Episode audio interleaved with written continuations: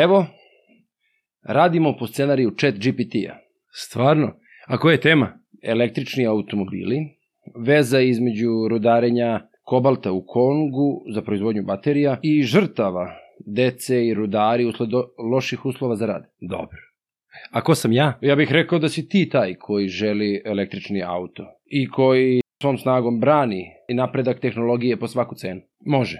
E, ali ja biram glas. Utopija, utopija, utopija! Hoćeš sa svojim glasom? Mm -mm. Ajde, daj mi predlog. Ajde, probaj sad. Kupujem električni auto.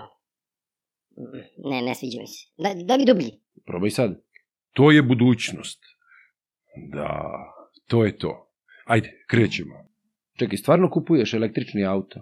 A šta te je motivisalo? Glavni motiv mi je želja da smanjim emisiju CO2 i pomognem u borbi protiv klimatskih promena. Električni automobili su mnogo čistiji od benzinskih i dizel vozila, tako da bih smanjio emisiju štetnih gasova. A, ali imaš li na umu da proizvodnja baterija za električna vozila ima negativan uticaj na životnu sredinu? Takođe, činjenica je da energija koja dolazi u vozila koje koriste tu struju dolaze iz elektrana koje koriste fosilna goriva. To je istina.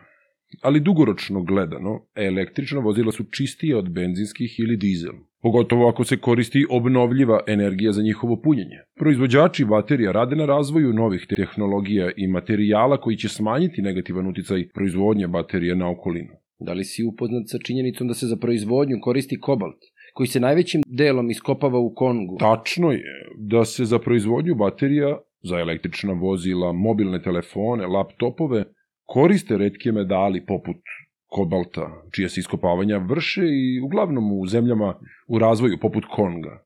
Nažalost, U nekim rudnicima kobalta u Kongu i u drugim zemljama zabeleženi su izveštaj o nehumanom, opasnom radnom okruženju, kao i o iskorišćavanju dece i drugih radnika. To su stvarno zabrinjavajući problemi koje treba uzeti u obzir pri razmatranju prelaska na električna vozila. Međutim, važno je istaći da proizvođači baterija i automobila sve više rade na poboljšavanju uslova rada i smanjenju negativnog uticaja na okolinu. Postoje i inicijative koje se bave sertifikovanjem i praćenjem lanca nabavki kako bi se osiguralo da se materijali koriste na etički način. Stoga, dok su problemi ozbiljni i treba ih rešiti, prelazak na električna vozila još uvek može doneti korist za okolinu i smanjenje emisije štetnih gasova.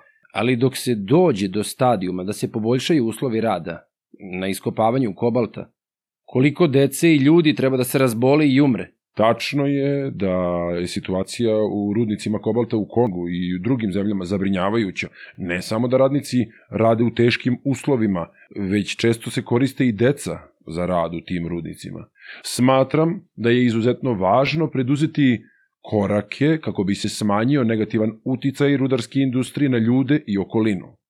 To uključuje i borbu protiv iskorišćavanja dece i zahtevanja boljih uslova rada za sve rudare, kao i upotrebu tehnologije koje su manje štetne po okolinu.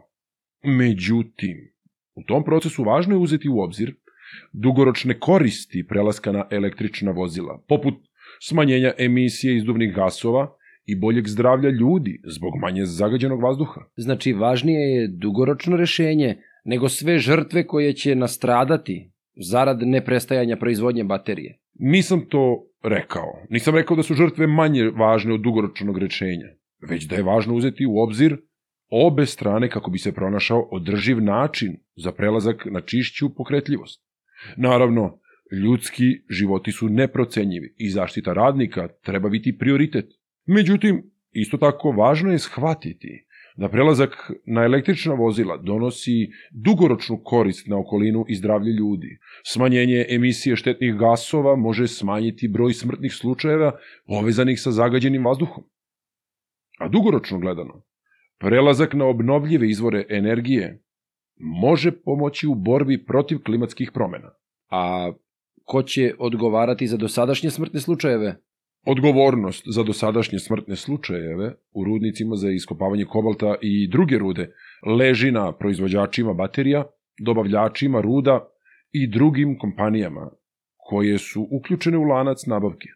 Međutim, nije lako utvrditi ko je tačno odgovoran za loše uslove rada i primeniti sankcije.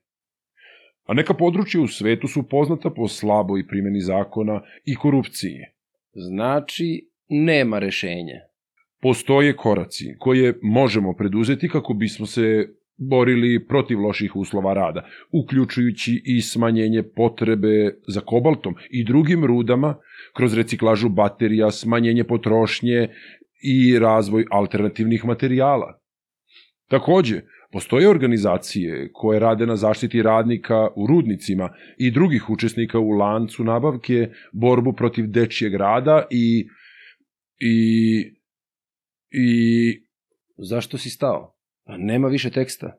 Chat GPT izgleda zakočio. Mhm. Zašto? Pitam se. To teško da ćemo otkriti.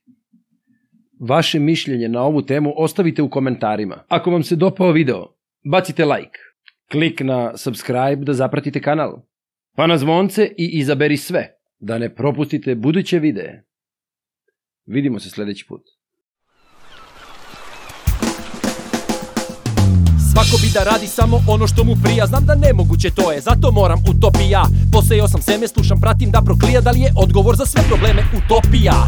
Utop, utop, utop, utopija. Podcast utopija. Podcast utopija, utopija. Utopija podcast.